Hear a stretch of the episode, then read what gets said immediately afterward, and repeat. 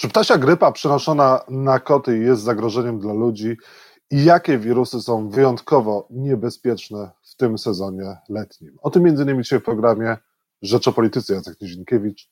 Zapraszam.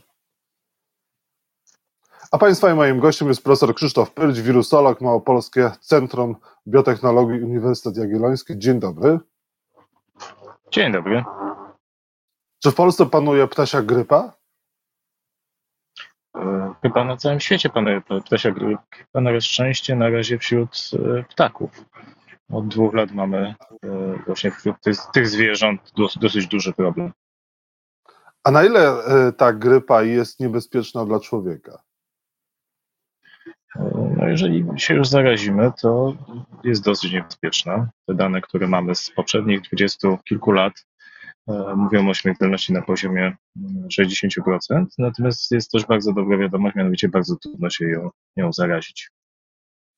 A w Polsce panuje teraz kocia grypa, czyli ptasia grypa przenoszona na koty? E, no na szczęście nie mamy jeszcze takiej efektywnej transmisji pomiędzy kotami, to była bardzo zła wiadomość, natomiast faktycznie no, znaleziono y, kilkanaście, a prawdopodobnie kilkadziesiąt przypadków y, zakażeń kotów. Natomiast no, cały czas y, jednak wszystko wskazuje na to, że koty nie zarażają się od siebie nawzajem, w związku z czym nie możemy mówić tutaj o um, kociej grypie w żaden sposób, tylko zakażają się po prostu od ptaków.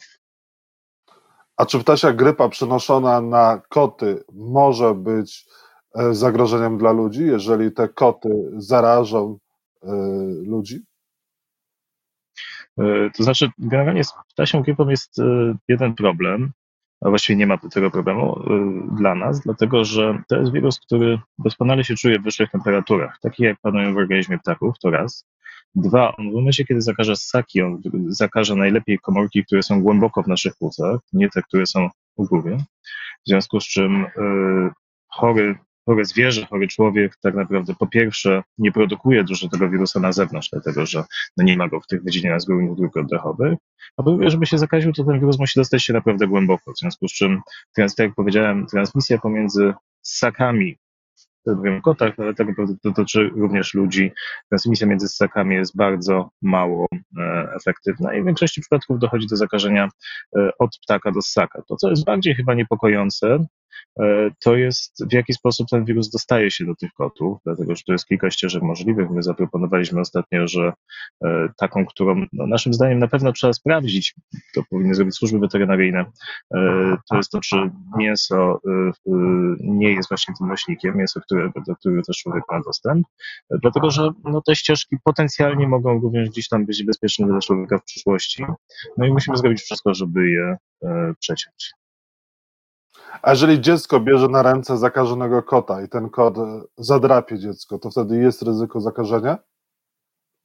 Tutaj z tym zadrapaniem to bym nie przesadzał, natomiast y, dwie sprawy. Jedna sprawa jest taka, że nie zanotowaliśmy żadnego y, zakażenia u człowieka jeszcze, mimo tego, że koty są y, w bliskim kontakcie, więc to ryzyko widać, że jest bardzo małe, natomiast ono jest niezerowe, w związku z czym no ja bym jednak mimo wszystko absolutnie tego kota nie, nigdzie nie, nie wyrzucał, nie, nie robił tego typu rzeczy, ale może jednak bym był mył ręce po kontakcie ze zwierzakiem, jeżeli jest chory, i może bym jednak e, no, trzymał taki dystans, żeby twarzą bezpośrednio nie, nie być w okolicy jego pryszka.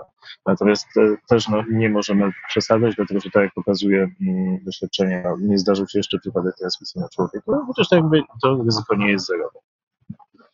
Wiele osób ma w Polsce koty. Jak rozpoznać tą ptasią grypę u kota, zakażenie kota? Mhm. No ja bym jednak proponował skontaktować się w, w, takim przypadku, jak mamy wątpliwości, bo kot się źle czuje z weterynarzem, żebyśmy e, nie próbowali sami rozwiązywać problemów. Może się okazać, że e, jest zupełnie co innego, a my mu nie dostarczymy pomocy. Także ja bym się tutaj zdał, z moimi kotami bym się zdał absolutnie e, na doświadczenie specjalistów w zakresie właśnie medycyny weterynaryjnej. Nie grozi nam żadne niebezpieczeństwo. Informuję, że wirus ptasiej grypy znajduje się w surowym mięsie drobiowym. Są absolutnie e, niesprawdzone, oświadcza minister rolnictwa Krzysztof e, Cieciura. Pan potwierdza tę informację? To znaczy tak, no tutaj mm, pojawiły się dwie, dwie skrajności ostatnio w tej przestrzeni publicznej. Jedna skrajność, która na szczęście została szybko wycofana, to było to, że w w marketach znajduje się wirus, czego my nie potwierdziliśmy, a druga jest taka, że absolutnie na pewno się nie znajduje. No, naszym zdaniem warto to prześledzić, yy, dlatego że no, znaleźliśmy w próbce mięsa z lodówki, z miejsca mieszkania, gdzie był kot chory yy, tego wirusa, w związku z czym to podejrzenie jakieś tam istnieje i powinno to zostać zweryfikowane, natomiast na pewno nie ma żadnego dowodu na to, że jakakolwiek partia mięsa była w tym momencie skażona. Przynajmniej my takiego dowodu nie jesteśmy w stanie yy, dostarczyć. E, a jakie wirusy są niebezpieczne teraz, latem? Przed czym my powinniśmy e, najbardziej się strzec? Na co szczepić?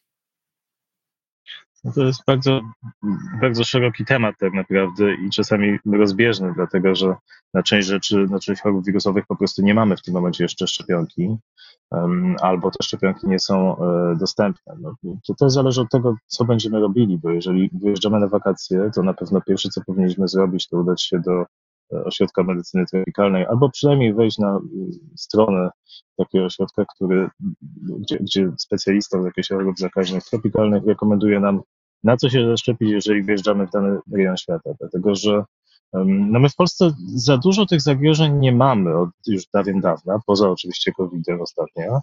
Natomiast no, na świecie tych zagrożeń jest znacznie więcej, zarówno jeżeli chodzi o choroby wirusowe, Przykładowo wścieklizna, która w Polsce właściwie nie jest problemem dla ludzi, w Indiach e, może być znacznie większym problemem. I tylko ktoś, kto jest specjalistą w zakresie e, w danej dziedzinie, jest w stanie jasno określić, czy my powinniśmy się szczepić na daną chorobę, czy też nie. A jeżeli chodzi o Polskę, to tak naprawdę ja bym rekomendował podążanie za tym kalendarzem szczepień, który jest stworzony, jest zalecany. Odnawianie tych szczepień, jeżeli jesteśmy dorośli, bo też często o tym zapominamy. Ja muszę przyznać, że ja się raz tak zapomniałem z doszczepieniem się na krztusie. Skończyło się to tak, że przez pół roku byłem chory. Także pamiętajmy o tym, bo to są rzeczy, które, które są istotne. Natomiast druga kwestia jest taka, przed czym my powinniśmy się chronić, dlatego że, tak jak powiedziałem, nie na wszystko mamy szczepionki. E, są choroby e, takie jak AIDS, spowodowane przez wirus HIV, e, są choroby takie jak zapalenie wątroby typu C, gdzie nie mamy szczepienia, które nas zabezpieczy i tak naprawdę tutaj są dwie rzeczy. Jedna rzecz to jest odpowiedzialne zachowanie, a druga rzecz to jest regularne, to są regularne badania, jeżeli jesteśmy w jakichś sytuacjach ryzykownych, dlatego że no, oba te wirusy przenoszą się przez krew, ale również przez kontakty seksualne, także E, warto zweryfikować, czy, e, czy, czy, czy przypadkiem nie zaraziliśmy się. A teraz y, u nas w Polsce jakieś wirusy wyjątkowo są groźne, no bo widać, że dzieci bardzo często chorują i sytuacja jest jakaś taka chyba nierozpoznana do końca. Przynajmniej jeżeli się chodzi z dziećmi do lekarza, to słychać tylko, że jest, są jakieś groźne wirusy i no i właściwie tyle.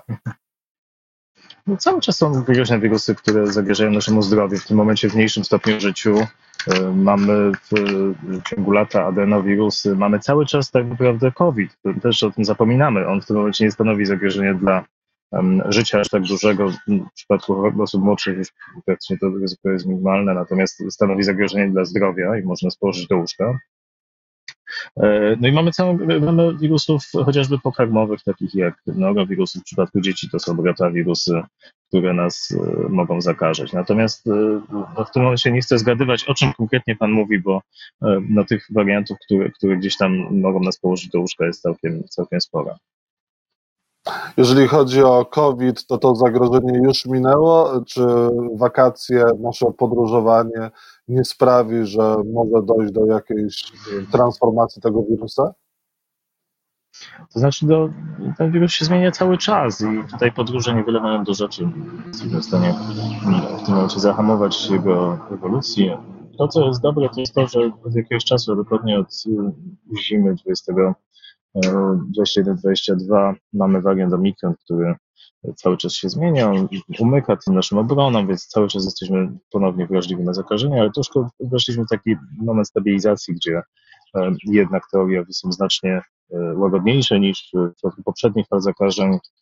A jednocześnie już właściwie wszyscy mm, albo się zaszczepiliśmy, albo przechorowaliśmy, albo najczęściej zaszczepiliśmy się przechorowaliśmy, w związku z czym mamy tą bazową odporność, która sprawia, że no, nie jest aż tak dla nas niebezpieczna, ale aczkolwiek cały czas mm, no, ja znam przypadki osób, które bardzo ciężko przechodzą COVID, w związku z czym to też nie ignorujemy tego całkowicie. Natomiast ja bym tutaj nie przykładał aż takiej wagi do mm, podróżowania w tym momencie.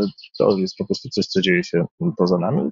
Tutaj, jeżeli pan pyta, czy COVID jest już przeszłością. No COVID jest teraźniejszością, on jest z nami cały czas, on będzie z nami, będzie to kolejna choroba, która będzie poważna, szczególnie osób starszych. E, natomiast no, jest duża szansa, że w przyszłości, może za 10 lat, może za 30 będziemy mieli nowy przypadek koronawirusa, takiego jak z tej samej rodziny co COVID, no ale na tyle odrębnego, że, e, że ponownie spowoduje jakieś tam zamieszanie, albo większe, albo mniejsze.